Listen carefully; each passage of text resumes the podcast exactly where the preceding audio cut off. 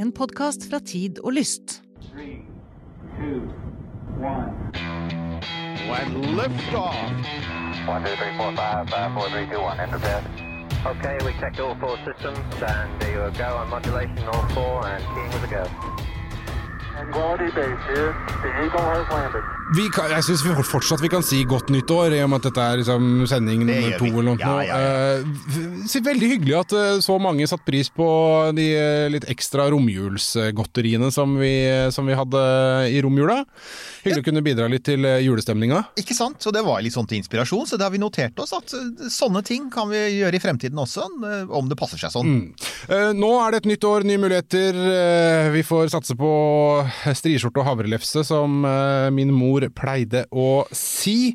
Eh, Gleder oss til eh, å gi hverandre en stor klem, alle sammen, når det en er gang kan skje. Havre, ja, havrelefse Det er jo godt, så jeg, jeg har aldri helt skjønt Jeg liker, liker lefse. Jeg tenkte ja, altså, du skal begynne å spise noe godt. Ja vel, yes, I'm in. ja, Ja. Ok, men du, eh, Ja. før vi går videre, Eirik, så, så må vi eh, snakke om noe som kommer. Ja. Eh, vi, vi kan jo være de første til å si at vi er ikke så gode på å si, fortelle om det som kommer. Det, ting bare dukker opp og kommer. Mm. Men nå vet vi at noe stort kommer, og her må vi jo eh, allerede nå rette en liten takk til, til eh, Det høres jo veldig fancy og flott ut, men din manager, som har ordna noe greier for oss. Ja, Kevin Aall, ja. Han er en flink fyr som eh, jobber, vanligvis jobber med foredrag og foredragsformidling. Og det han har gjort her, det er jo faktisk å, å han, han, vi, Som dere sikkert kan forstå, så har vi ganske lenge jobbet for å få en, en ekte astronaut i studio. Altså, Vi har jo en ekte nestenastronaut, Gaute Einvoll. Han var her for ca. et år siden. Men å få en som faktisk har vært i rommet i studio, og så sier da Kevin til meg for en stund tilbake Han sier altså det fins jo, jeg har jo på min talerliste folk, og en av dem som er virkelig kule, han heter Mike Massinino, og han er eh, han er spesiell, og, og sa han er du interessert? Og så har vi da siden en stund nå jobba litt for å få til det, og nå ser det ut som det har falt på plass. Og da får vi altså Mike eh, i studio ganske snart. Eller på en linje, da. Fra, På linje, selvfølgelig, men vi skal hjemme. prøve å Men, men altså igjen, er det én som, er- altså, er det en som er klar for å kommunisere litt over linje, så er det jo han. Han har gjort det før. Han var, for, for, for øvrig, han var altså den første som sendte en Twitter-melding fra rommet. I Å, var 2009. Ja. Yes. Og, og Dos Malos, uh, han har vært uh, i romferga to ganger. Ja, Han har vært i romferga to ganger, og han har romvandret masse. Ja. For han har altså reparert romteleskopet to ganger. Eh, han har altså virkelig stått der ute blant stjernene og, og mekka og skrudd, og vi gleder oss som små barn til å spørre han om alle disse her herlige mekketingene. Jeg kjenner at jeg I have so many questions, eh, så det Ja. gleder, jeg meg veldig til. Men en ting som jeg stusser litt på her, Eirik, er jo hvor godt kjenner han manageren deg egentlig når han spør er du kanskje interessert i? altså, tidenes dummeste spørsmål. Han kunne Ja. bare sagt «Mm, ja, nå har jeg ordna til deg. Jeg lurer på om ikke Kevin har vært inne på dette noen ganger før ta- også. Jeg ok, tror ja. vel egentlig det, så jeg, jeg, jeg, jeg prøvde å moderere det litt her. Men ja, men ja selvfølgelig. Jeg var bare sånn all over it. Og, så ja, og, og selvfølgelig å gjøre dette med en Tidligere NASA-astronaut, han er jo pensjonert nå. Um, det er jo ikke helt lett, fordi at du kontakter dem veldig sjelden direkte. Du går via en assistent, eller et booking office, eller altså det er jo gjerne sånn man må få det til. Og det har vært litt sånn med oss også, men, men igjen, vi satser på at dette kommer snart til en podkast nær dere. Og det blir jo stort, for da får vi en astronaut i studio, endelig! En ekte astronaut i romkapselen. Gøy, gøy, gøy. Gøy. Men det, som, eh, det vi skal snakke om nå, det er jo Også gøy. Om enn litt mer sånn uh, distansert, så er det jo veldig, veldig gøy. Uh, og det, en, en ting som jeg også syns er litt ekstra morsomt. En sånn liten sånn eh, kanel øverst på Er det moccacino cappuccino Jeg vet ikke hva de har kanel på, men det er en sånn kaffeting som Vi er på Grünerløkka, vi Ja. kan bare stikke rett rundt hjørnet og spørre. Ja, vi får ja, huske på det. Ja. Men uansett, eh, det var et forsøk på noe kirsebæret på, på kremen der, da. var at uh, jeg så en, en som sendte inn spørsmål om dette her til oss. Uh, det uh, var jo Satan-Anders. Det syns jo jeg er litt gøy. Eh, han spiller bass i Satyricon. Eh, og driver også og er frontmann i bandet Kadaver. Så Vi har de så- beste lytterne, Nils Johan. Vi har sagt det mange ganger, men vi har de beste lytterne. Hei dere, dere er de beste. Mm, Det er så gøy at Ja. du liksom får en sånn her, her deilige musikere og liksom blanda inn eh, black metalen in the black holes osv.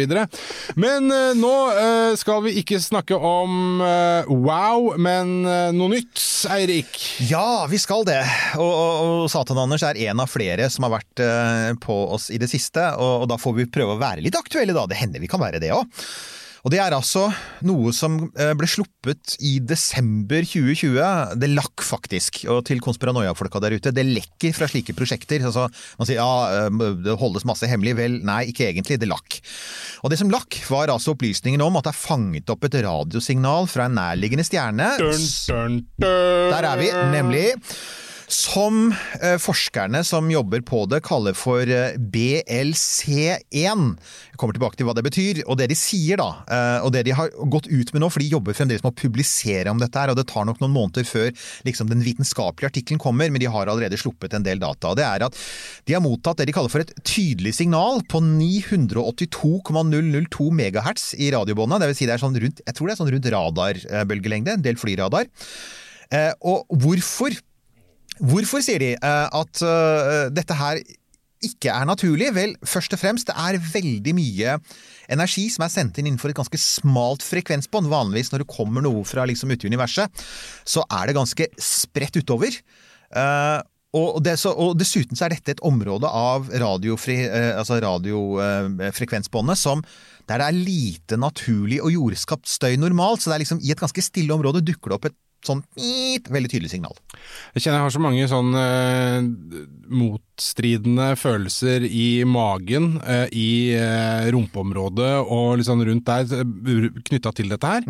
For det er litt sånn, når du sier sånn nei, det er ikke naturlig, her er det vanligvis lite, og så kommer åh, men så eh, Ikke sant? Kanskje ikke. Skal vi nå, ja, og der, der, der, nå kommer vi til dette her liksom Folkens, litt kaldt vann i blodet, men først, altså BLC1.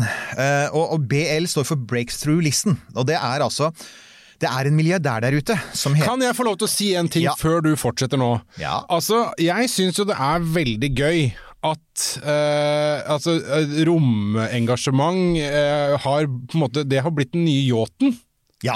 Fordi at det er liksom du er, ikke, du er ikke en milliardær med respekt for deg sjæl hvis du ikke har satt riktig. masse penger i en eller annen form for romforskning. Det er gøy. Det er helt riktig. Det, og det, en av de som, første som startet med, var jo Paul Allen fra Microsoft for mange mange år siden. Og så kom jo da selvfølgelig Jeff Bezos og selvfølgelig uh, si det, vår, bare si alles, vår alles Elon.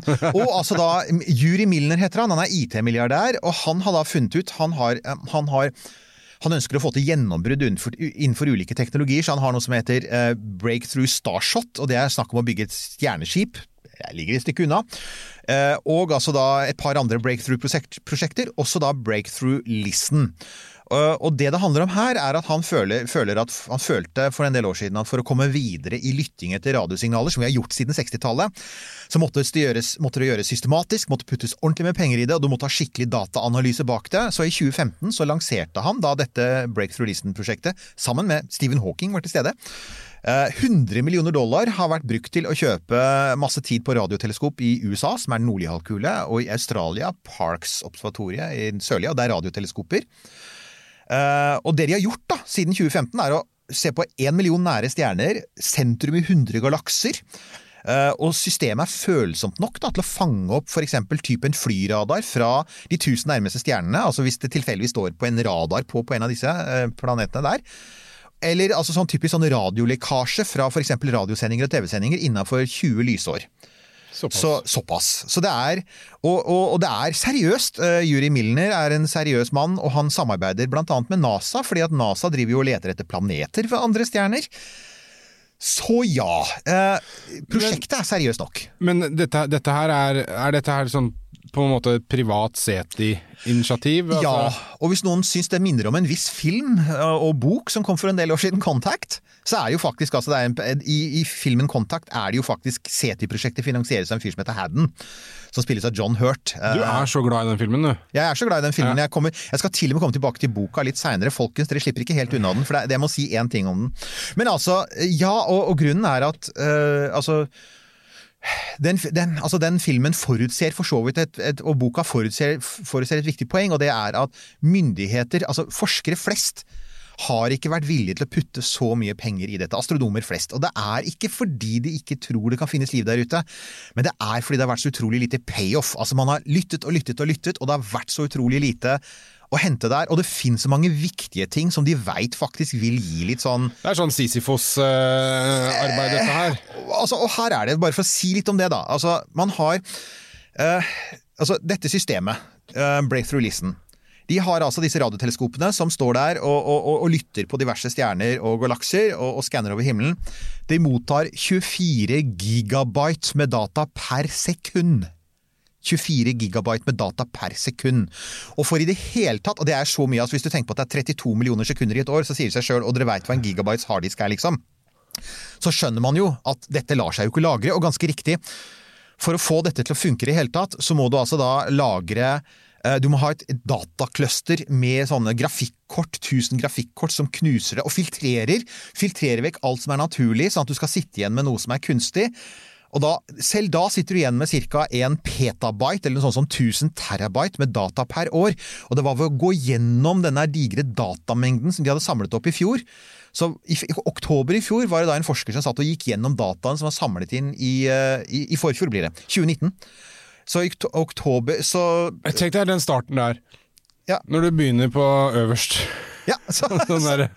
Ja, ok, men da setter vi oss ned og tar litt av økt, da. Ikke sant? På, Og det han fant, da, 1024 eh, forskeren, petabyte. eh, fant jo da fem separate observasjoner som var gjort over tre timer i april 2019.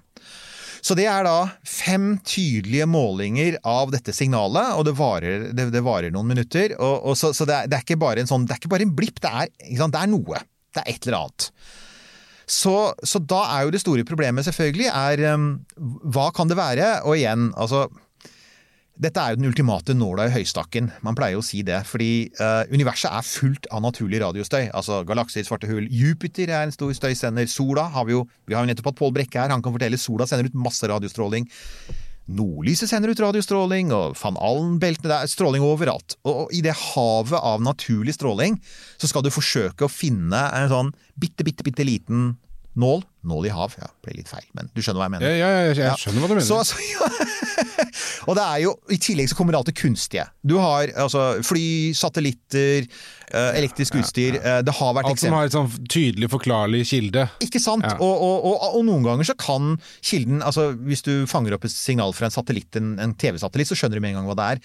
Andre ganger kan det være vanskelig å skjønne at det er kunstig. For eksempel så har det vært eksempler på det, er- det er, tilbake i tid så var det vel en, en, en vaskemaskin i nabolaget som ikke var skjermet godt nok. Og den var da, så den sto og gnistra litt grann mens den eh, ikke sant, surra rundt. Og, og det ble til et radiosignal, som var for dette er ekstremt sensitive teleskoper, radioteleskoper. Så, så ja, det er å, å, å, å tenke seg liksom at dette er et alien-signal. Altså, Disse forskerne på Breakthrough Listen er veldig klare på det selv. De tror at det er 99,9% sjanse for at det ikke er et signal fra aliens. Ja, og der, der kom eh, isbitene, Der kom og isvannet og alt uh, Det er bøker- 0,01 Ja, fordi Men altså men, men, u, men kan det da være sånn, og nå prøver jeg å klynge meg til det bitte lille halmstrået av håp for at dette faktisk er noe gøy, da. Mm. Eh, kan det da være sånn at eh, det allikevel er noe annet gøy, selv om det kanskje ikke er en, eh, en, en sivilisasjon eller intelligens? Så er det noe annet gøy? Det kan. Det er Et av problemene de har her, er jo selvfølgelig Altså, Signalet er jo ikke blitt sett igjen siden i fjor. Eh, Det er heller ikke blitt fanget på andre teleskoper. Det er også noe som tyder på at hvis det er noe, så er det kortvarig. Eh, Det kan ha vært en, en, en glipp i et sikkerhetssystem for ikke å lekke radiosignaler fra en eh, høyt avansert eh, sivilisasjon. Det kan det, altså! Eh, og og det, det, det som er ganske sikkert, er altså at det, det er ikke et bevisst forsøk på å sende et signal. Og grunnen til det er at denne radiopulsen, den er, eh, det er en kraftig altså det er, det det er kraftig radiosignal på akkurat den frekvensen, men det er ikke gjort noen forsøk på å, å, å sende noe mer informasjon med den, det som da gjerne kalles for modulasjon. Og her kan vi nevne to eh, forkortelser som folk eh, faktisk kan huske, de som har hørt på radio en stund. Altså AM og FM. Det er jo akkurat det man ser etter. Amplitudemodulasjon, altså at man ser på styrken på signalet. Varierer styrken for å sende signal. eh, Eller varierer frekvensen, som er frekvensmodulasjon, FM. Enn så lenge har man ikke lett etter DAB-signaler. Kjør debatt, folkens, hvis dere har lyst. Nei, Nei, vi ikke- La det være. vi Vi starter ikke den, men poenget er at man leter etter rett og slett AM og FM-signal. Altså den typen va- variasjoner i radiosignalet, når man ser om det er noe mer her enn bare, bare radio. Altså er det noe mer enn bare en sånn Og, og i så måte ja. Det som slår meg, eh, binær kode er jo av eller på. Det er det, og, og vi har jo faktisk, det kommer vi jo til, vi har sendt binærkode faktisk nettopp ved å frekvensmodulere signalet selv fra jorda, så det kan du gjøre. Jo, men et signal i seg sjøl kan jo være en binærkode. Du kan også rett og slett Signal er Ja, på, eh, Helt riktig. ingenting er morse. av. Ja. Ikke sant? Ja. Rett og slett morse er jo det. Så du kunne til og med gjøre det. Eh, Men ingenting av dette, altså det er ingenting som tyder på at det er en sånn morsekode. Det er ingenting som tyder på at det er noe modulasjon av signalet. Det er rett og slett bare et sånn klart og tydelig sånn blip. Og i så måte da, så minner det om, for vi må snakke om det, det finnes ett annet eksempel fra alle disse årene som stadig vekk dukker opp i debatten, og forskerne i Breakthrough Listen henviser også til det og sier det minner i bunn og grunn ganske mye om det såkalte wow-signalet. Wow-signalet, vi måtte jo ja, komme til det. ja, ja. Lurer på om vi har nevnt det en gang før. Ja, vi har, vi har vært innom eh, wow-signalet. Fordi, ikke sant, det, det, og, og det som er Uh, kjedelig da, med dette her, som i utgangspunktet så sånn overskriftsmessig kan være veldig gøy, er jo det at eh, Antageligvis, vi får være såpass realistiske, antageligvis er jo dette bare en gjentagelse av wow-signalet. Ja. Uh, at det bare er et eller annet. Eh, Har man noen gang funnet ut hva wow-signalet var? Ja, godt spørsmål. Uh, Det har vært fryktelig mye debatt om det. Altså igjen, på en kjapp Oh! Jeg, nå har jeg det! Ja.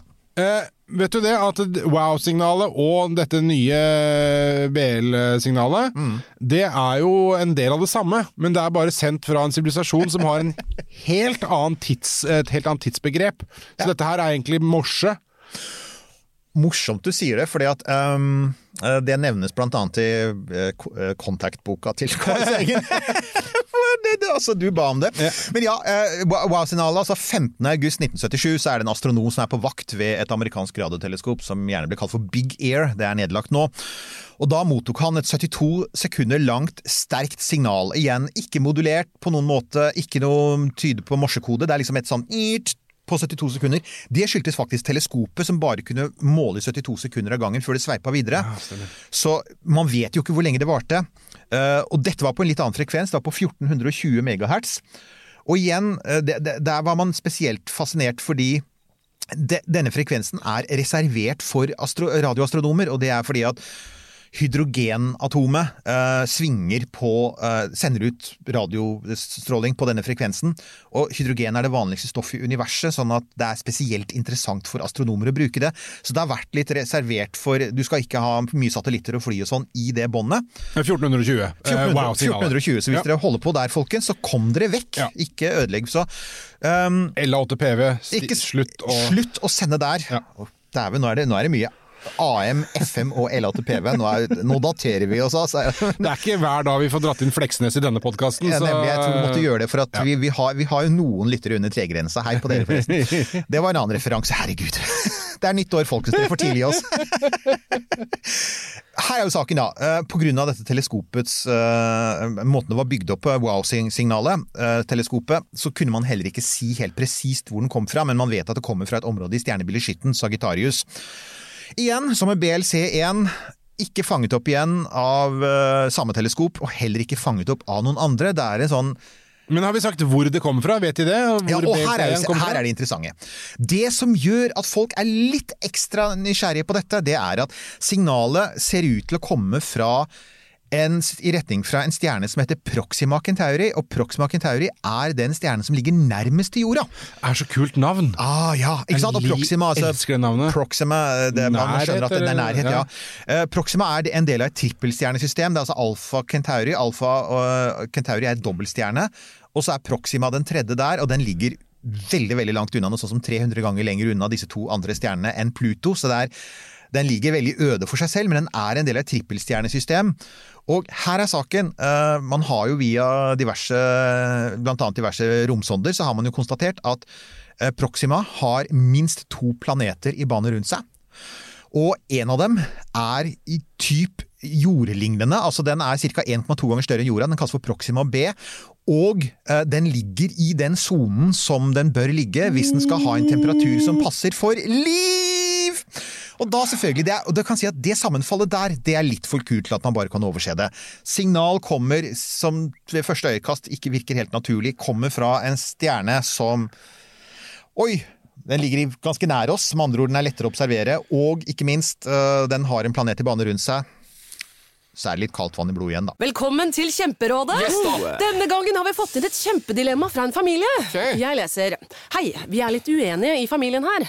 Hvis du skulle vært et dyr, ville du hatt gjeller eller vinger? Oi, den er tricky. Ja, hva ville dere hatt da? Altså, jeg vet ikke, men med familierabatt får de ubegrenset data fra Telenor fra 399 kroner. Da kan de jo scrolle seg til svaret, rett og slett. Ja, ok, Men for min del Ja. Nei, nei, Gjelder. nei, vinger. Nei, nei, Ja, gjelder. ja, kjempebra. Men eh, se nye mobilabonnement på telenor.no, da. Har du et enkeltpersonforetak eller en liten bedrift?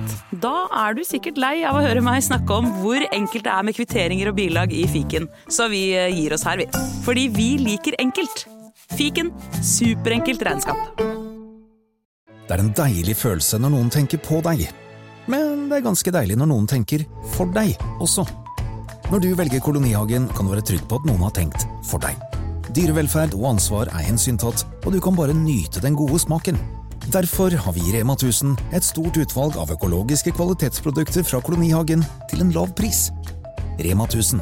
Det er sluttsummen på valgene vi tar, som teller. Nei, kutt ut, da! Jeg kommer igjen. Jeg beklager, beklager, beklager. Altså, Proxima er Du kan faktisk ikke se den med det blotte øyet, for det er det, det, den er det som heter en rød dvergstjerne. Det vil si at den lyser altså hundrevis av ganger svakere enn sola. Det i seg selv gjør ikke så veldig mye, men det, det at den lyser så mye svakere, betyr at den er mye kaldere, og det betyr at planeten går, må gå mye nærmere. Så denne jordlignende, eller jordstørrelsesplaneten, da, den går så nær stjernen sin, den, at den går rundt den på bare elleve dager. Så det vil si den går tett innpå denne lille stjernen. Og når den går så tett innpå, så får du samme situasjon over tid som månen har med jorda. At du får det som heter bunnrotasjon. Det vil si månen viser alltid det samme fjeset til jorda, for det er liksom gravitasjonen mellom dem har bremset opp månens rotasjon. Det samme skjer, har skjedd med denne planeten, det er man nesten helt sikker på. Med andre ord, den viser alltid samme side mot den lille stjernen sin. Det vil si at det er veldig varmt på den ene siden, og så er det veldig kaldt og mørkt på den andre. Og de to andre stjernene i Alfa Kentaur-systemet ligger så langt unna at de bidrar ikke noe særlig. Med kanskje litt lys på natten, men ellers ikke mye. Så, og så er det en siste ting, og det er at disse røde dvergstjernene de er, har kraftige solstormer, utbrudd på seg. Mye kraftigere enn vår sol, faktisk. Så det var en av de tingene man lette etter på denne, denne stjernen med radioteleskopet. Da man oppdaget signalet, var nettopp slike utbrudd. Så kraftige utbrudd, bunnrotasjon, ekstreme temperaturforskjeller tyder jo på at det ikke er Ikke verdens mest gjestmilde sted. Men det er en planet på størrelse, omtrent på størrelse med jorda, og den ligger i livssonen, så Altså, Vi har jo ekstremofiler her også, så har det, who altså. knows? Det har vi Vi har sagt det. mange ganger, at Ja. det er ingen grunn til å si at eh, et eh, utenomjordisk eh, liv skal være liksom, likt vårt liv og vår karbonbaserte verden. Så det You never know. Du gjør ikke det, altså. Og er litt lunk på den isteen der igjen. Jeg syns det, og, vi vil antagelig i løpet av våren få mer informasjon når de da, så da publiserer dataene. Eh, og, og skulle det komme noe oppsiktsvekkende, altså skulle det være sånn at de faktisk sier vi tror dette her er noe som ikke er naturlig og ikke er menneskeskapt, så kommer vi selvfølgelig tilbake til det. Men, men, vi, men med tanke på at forskerne selv sier at det er 99,9% sjanse for at det ikke er det, så er det relativt safe å lage denne sendingen nå. og kanskje, Så sjansen er dessverre liten for at vi dukker opp så type i mai-juni og sier folkens, vi har, vi har, vet dere hva? Vi har faktisk det, Jeg skulle jo ønske det. Det hadde vært eh, Det hadde, vært, eh, det hadde blitt eh, En sånn intens skrekkblandet fryd er et, et dårlig ord, men det er en, en enorm entusiasme fra visse deler eh, av eh, befolkningen. Og så hadde det vært sånn dommedagstilstander i andre deler av befolkningen. Og vi hadde sett at sånne dommedagssekter hadde poppa opp som paddehatter rundt forbi, og folk hadde lagd ut sånne svære welcome-skilt eh, og Er det her jeg Ja. skal nevne en viss bok og film? Skal du si noe om Contact, Eirik? Jeg kan si noe Nei, altså, altså, Vi må komme litt tilbake til den i én forstand, og det er fordi at altså, det finnes på sett og vis to typer signaler man leter etter fra verdensrommet når man leter etter liv i universet. Det ene er det som da kalles for radiolekkasje, eller teknosignatur. og Det er rett og slett bare altså at når du har en teknologisk avansert sivilisasjon som driver med elektrisk utstyr og driver og kommuniserer, så vil det lekke. Og det er jo slik vi på jorda har holdt på med helt siden vi begynte med kortbølgeradio, og siden vi ikke minst siden vi begynte med TV-sendinger og radar. Så helt siden Ja, altså i, igjen i Contact så er det altså TV-sendingene fra Berlin 1936 sant, som spiller en sentral rolle. Det, det har de faktisk fra boka. Eh, og det er helt sant. Det var TV-sendinger eh, som ble kringkastet, og de signalene kunne i prinsippet fanges opp langt unna, men bare få år etterpå så ble jo hele verden full av, eller hele Europa ble jo full av radaranlegg. For man begynte med flyradar, og, og da økte strålingen kraftig.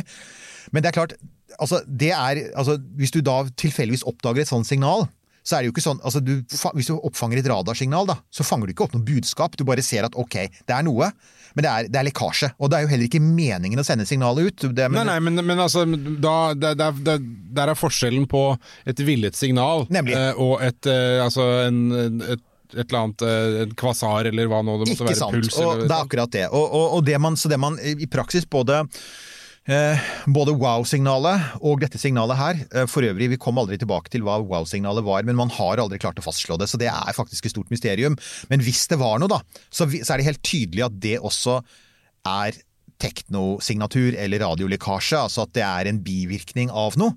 Som kanskje noen har holdt på med, et stort ingeniørprosjekt hvor det plutselig lakk ut noe, som du sa, en sånn blupp, så kom det masse radioenergi fordi at noen trykka på feil knapp. Men, men det, er, det, er ikke villet. Men så har du den andre typen, og den har man jo også lett etter. og det er jo at eh, det har jo vært folk her på jorda som har tenkt vi bør jo sende ut signaler i motsatt retning, så hvorfor skal ikke de tenke som oss? Og Det er da, eh, det er liksom denne kommunikasjonen, for du har liksom SETI, Search for Extraterrestrial Intelligence, som er én uh, ting, ting, og så har du CETI med C, som er Communication with Extraterrestrial Intelligence. Som er noe vi egentlig ikke har gjort så mye de senere åra, men som var ganske populært på 70-tallet. Og en av drivkreftene der var jo nettopp Carl Sagen. Han var jo forsker på dette. Uh, så han var jo involvert i det som da heter Arecibo-budskapet. Arecibo har folk kanskje hørt om de siste månedene. Ja, fordi det ikke har gått så bra med Arecibo. Det har ikke gått så bra med Arecibo, Nei. dette fantastiske radioteleskopet i Puerto Rico som ligger i en sånn skålformet naturlig forsenkning oppe i fjellene. Og du vet, der hvor de spilte inn den James Bond-filmen, kom en ras ja! NRK, NRK, NRK. Ja. Men, men, men så der, der har du jo, ikke sant, og, uh, hvis vi er der igjen, da, uh, og dette her har vi vært innom tidligere også, dette her med å Og det er jo delte meninger, ikke sant. Uh, Stephen Hawking var jo veldig opptatt av at nei, ja. vi bør ikke det for da kommer de bare og enslaver oss og ja. tar alle ressursene våre. Men så er jo det løpet kjørt for lenge siden, så man kunne jo like gjerne bare gjort det med vilje og viten og sende ut signaler. Og det er jo miljøer eh, fremdeles i dag som er veldig opptatt av ja. og gjerne vil gjøre det. Helt sant, og, og, og Arecibo-signalet er et veldig godt eksempel på det. fordi at der bruker man altså Dette radioteleskopet kan også brukes til å sende signaler ut. Kunne bli brukt Kunne. til å ja. ja, jeg sier kan, fordi at uh, Arecibo har fått, nettopp fått 8 millioner dollar for å bli bygd opp igjen. Så wow. folkens, det er faktisk nå en viss mulighet. Dessuten, uh, det er relativt bred enighet om at en ny administrasjon i Washington DC sannsynligvis vil se det som regningssvarende å rette opp en del av feila fra i går. Så, så, sjansen for at uh, Arecibo ikke bare får 8 millioner dollar, men mer penger, er nå faktisk ganske stor. Så man, man håper vi får håpe. Men ja, Arecibo, i motsetning til den kinesiske arvtakeren, for det finnes et svært kinesisk teleskop som, som kan konkurrere på størrelse, men Arecibo kunne sende begge veier. Kinesernes kan bare motta, visstnok. Arecibo ble brukt som radarsender. Den har bl.a. vært brukt til å se på med radar på sånne nærliggende, sånn jordnære asteroider, som vi har snakket om i en tidligere sending. Uh, og I 1974 så ble den altså brukt, ble denne sendekapasiteten brukt til å sende et konsentrert signal uh, ut i rommet, det er såkalt Arecibo-budskapet, og den ble sendt til en kulehop, en kuleformet ansamling av titusenvis av stjerner, som heter M13 som ligger 25 000 lysår unna. Ja. Så med andre ord, hvis noen er i M13 og tar imot signalet og sender tilbake i omtrent samme retning, så får vi svar om 50 000 år. Men Men der er du inne på det som du var inne på, altså, du, altså som du nevnte i stad, som er dette med hvordan du koder det. Ja. Og det er jo igjen. Ja, fordi jeg tenker hvis, hvis, det skulle da være sånn at man med vilje og viten vil sende et signal, så, så bør man jo gjøre det så pinlig tydelig at uh, ja. for å liksom skille seg fra all mulig annen støy som er der ute, mm. så bør det være relativt tydelig uh, signal som er helt åpenbart da modulert. Ja, og det, nemlig. Og det de gjorde, da, og dette signalet var designet av Carl Sagen blant annet. Og Frank Drake, som er en av de aller første i radio-CT-miljøet. Frank Drake startet de første systematiske letingene etter etter, kunstig, etter intelligenssignaler på, tidlig på 60-tallet. Og De designet da dette her tidlig på 70-tallet, og, og, det de da gjorde, var at de rett og slett de brukte De designet rett og slett et bilde ved hjelp av ener og nuller, for det kan du jo. Altså, du kan jo se på det som en sånn derre altså, I dag så er det Da de gjorde det, så var det veldig vanskelig å forklare for folk, for ingen hadde forhold til piksler i bilder. Men det er jo det det er. Det er sånn høyde ganger bredde, og så bruker du enere og nuller til å si svart eller hvitt. Og da lager du et enkelt svart-hvitt-bilde med ganske lav oppløsning. Um, og det de da passet på var å sende Det de sender ut er en lang, en lang streng med tall, modulerte, jeg tror det er frekvensmodulert, og da sender du ener og nuller. Og eh, de passet på å gjøre det som et primtall som eh, er altså, som et tall som er sammensatt av to primtall. Så det finnes bare egentlig én måte å sette bildet sammen på, matematisk sett. Lengde og bredde. Um, og så i det bildet så la de da inn informasjon om DNA-molekylet. Ganske mye om DNA. Uh, og, og, de forskjellige nukleotidene i DNA og slike ting. Størrelsen på et menneske hadde de klart å få til. Et bilde av et menneske. Jordas befolkning. Solsystemet med ni planeter. Det var den gang vi var ni planeter. Uh, og da faktisk med en liten peker til hvor, hvilken planet vi var på, bare sånn i tilfelle de vil komme og enslave oss. ja. Pek kanonene deres hit! Ikke sant? Og faktisk også et bilde av Recibo-teleskopet, Og uh, igjen en sånn liten binær indikasjon på hvor stort det var. Så det er et utrolig enkelt signal, men jeg kan si at hvis det er noen som bor i M13 da, om 25 000 år, eller på veien til M13, alle som er imellom oss og M13 vil jo kunne motta det mye tidligere. Ja, alle som er der. Alle som er der, og da vil jo de altså, vi Får de det signalet, så vil de ikke være i tvil om, for det første, at det er ikke det er ikke naturlig, for er, her kommer det en serie med pulser som er modulerte. Og, ikke, altså, og, det er modulert på en jevn måte, det er ikke sånn kaotisk som det ofte er i naturen. Um, og ja, så, så, de vil vite at det er et kunstig signal, de vil vite at det kommer fra intelligens, og så er da spørsmålet om de er i stand til å dekode det. Ja. Men det tenker jeg, det var akkurat det jeg satt og tenkte på nå. For at ja. hvis vi eh, hadde mottatt et sånt signal, ja. så ville vi jo antageligvis ikke sånn right uh, off the palm of our hands være i stand til å dekode et sånt signal. Nei. Antageligvis så ville jo det være snakk om mange år med kodeknekking og alle mulige arameiske og kileskrifter og hva nå man skal innom, for å, for å finne ut av hva man faktisk eh, har fått tak i. Vil du ikke tro det? Jo, det tror jeg. Og det kan si at der igjen Men så vil det jo være helt sånn oppsiktsvekkende å sprette champagnen eh, eller begynne å grave deg ned Eh, alt ettersom hvordan du velger å se på det.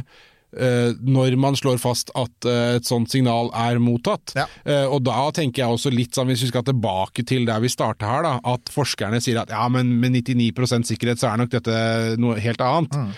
Så tenker jeg at det, de er også litt sånn programforplikta til å si det. Det, altså. si det. Ja. for det ville jo vært tullete å gå ut og bare juble med en gang nå, endelig skal Mm. vi få kontakt, uten å vite noe som helst. Ikke sant. Så, så det er derfor jeg, jeg, jeg altså egentlig krysser litt fingrene for det. Men, uh, men, igjen, altså, du har helt rett. Dersom vi en dag mottar et signal da, som helt klart er kodet på et eller annet vis, så har jo tanken hele tiden vært at eh, Altså, eh, Som Galileo Galilei sa, naturens store bok er skrevet på matematikkens språk. Det vil være en eller annen form for matematisk basert kode.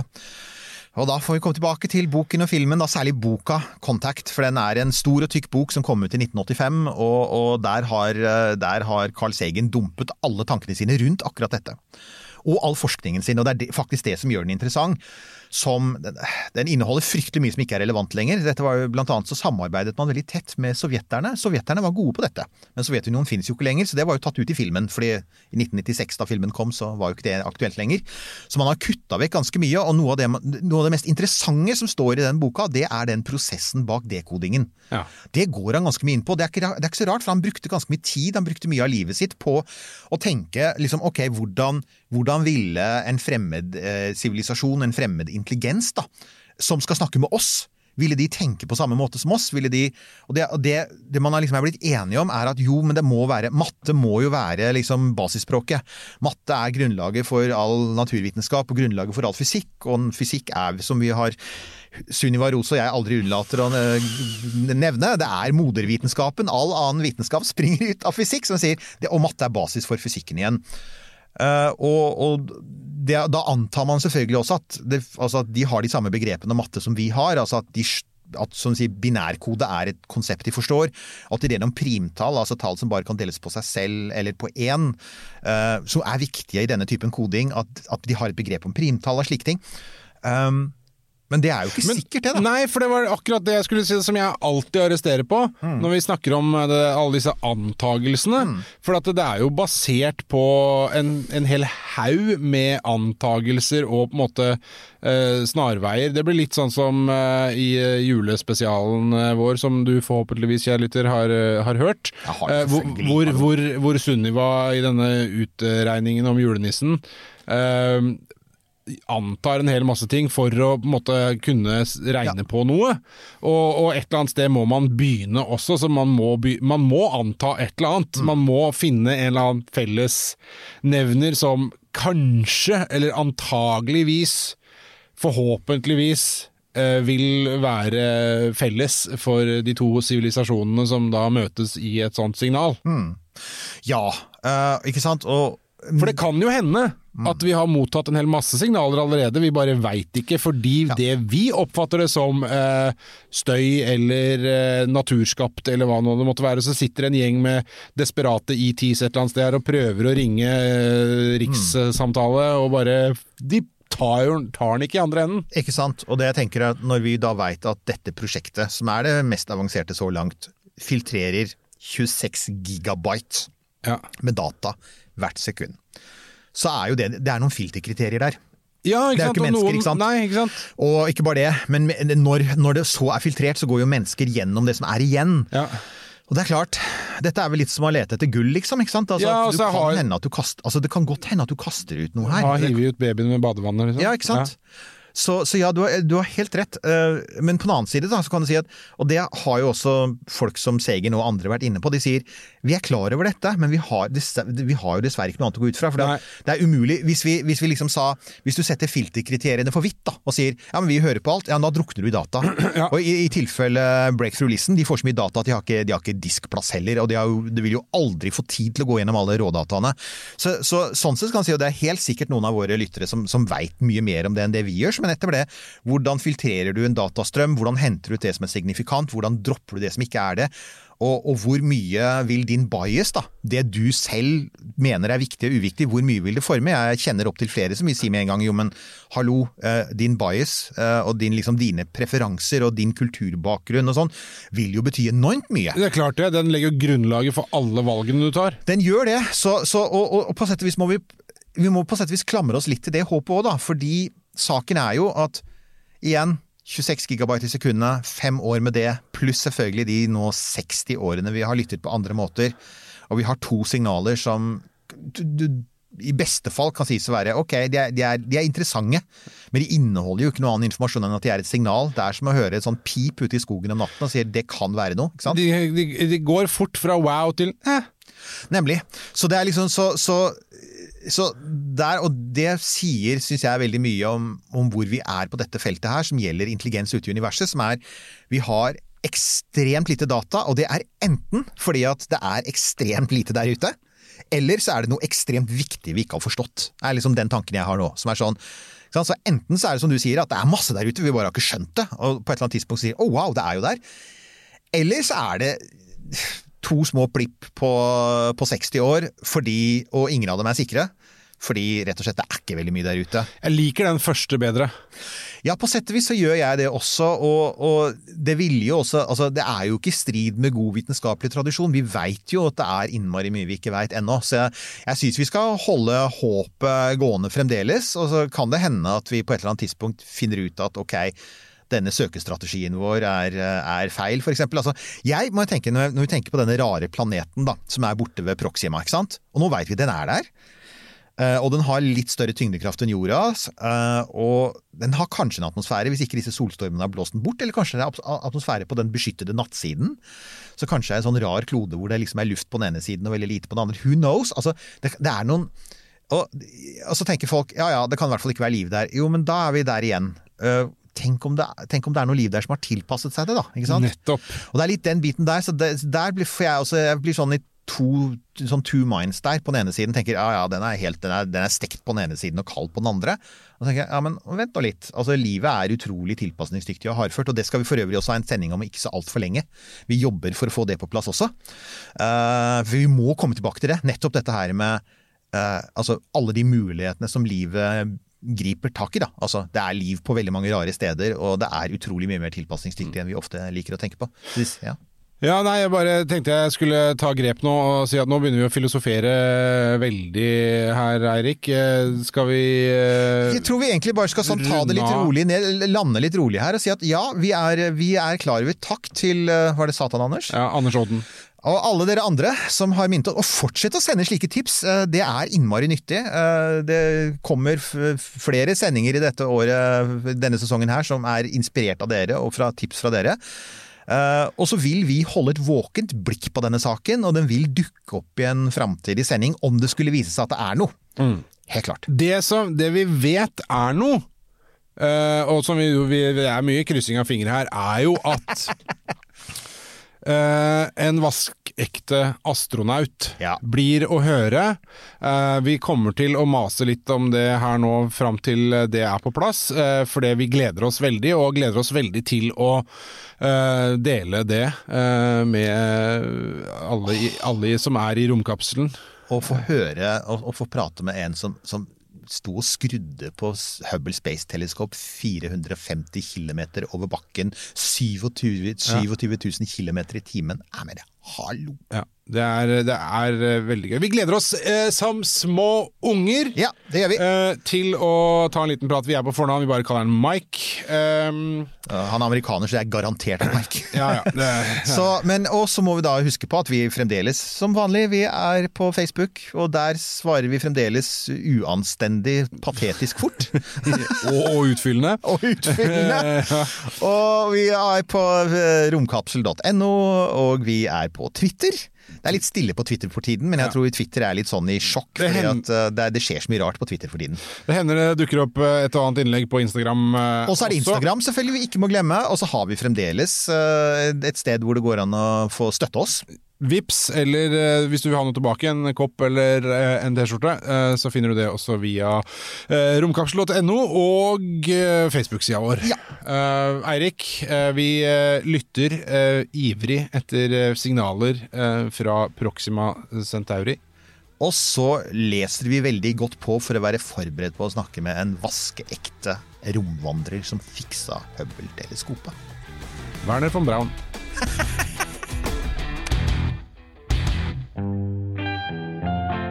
Denne Podkasten er produsert av Tid og Lyst.